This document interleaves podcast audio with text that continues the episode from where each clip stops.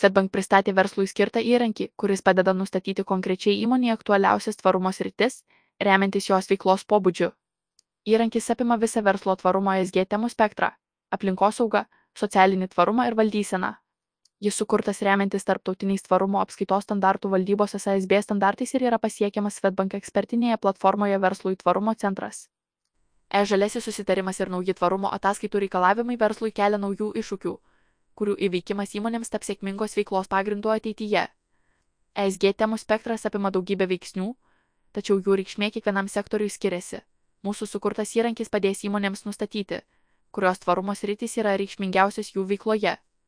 Pagal tai jos galės kurti arba koreguoti įmonės tvarumo strategiją, sutelkdamos dėmesį į tuos tvarumo iššūkius, nuo kurių priklauso ir patrauklumas investuotojams. Tikimės, kad šios išvalgos ir ekspertinė informacija bus svarbus postumis tvariems verslo pokyčiams, sako Svetbank Lietuvoje vadovė Ingas Kisaker. Tvarumo rizikų reikšmė priklauso nuo verslo sektoriaus. SG reikšmingiausios rytis NGL materializuos apibrėžiamos kaip įmonėje aktualiausi tvarumo klausimai, galintys daryti didžiausią įtaką jos finansiniai vertį ir ilgalaikiams veiklos rezultatams. Tvarumo ekspertai atkreipė dėmesį, kad matuojant ESG poveikį vis dažniau atsižvelgiama ne tik į finansinį poveikį, bet ir į vadinamąjį dvigubą reikšmingumą - įmonės veiklos poveikį visuomeniai, gamtos ekosistemoms, ekonomikos procesams.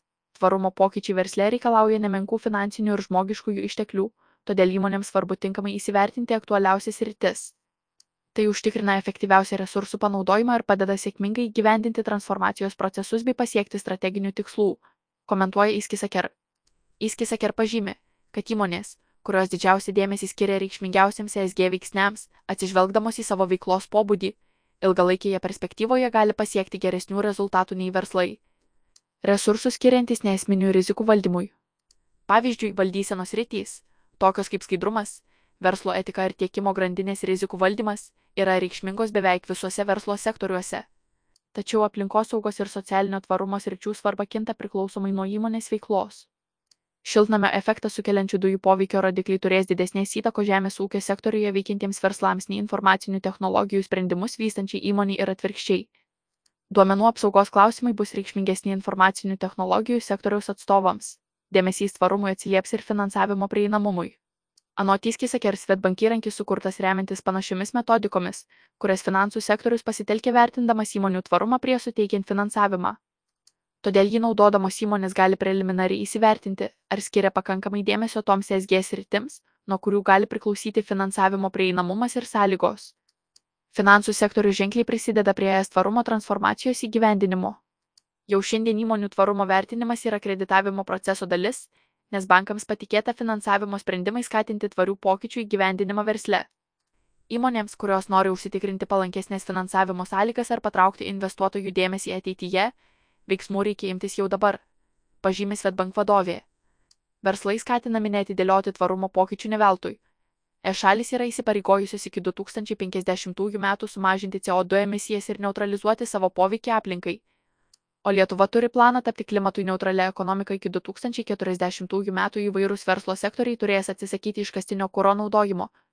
Jį pakeisdami atsinaujinančiais energijos šaltiniais ir rasti kitų būdų emisijoms sumažinti. Nemažų iššūkių verslui atneš ir nauja tvarumo atskaitomybės direktyva NGL. Corporate Sustainability Reporting Directive CSRD. Pagal naujuosius reikalavimus, visoje es smarkiai išauks įmonių, turėsiančių teikti išsames, trečiųjų šalių patikrintas tvarumo atskaitas, Skaičius. Nuo 12 tūkstančių iki 50 tūkstančių pirmąją ataskaitą už 2024 metų įmonės turės paskelbti jau 2025 metais pirmąjį. Ketvirtį.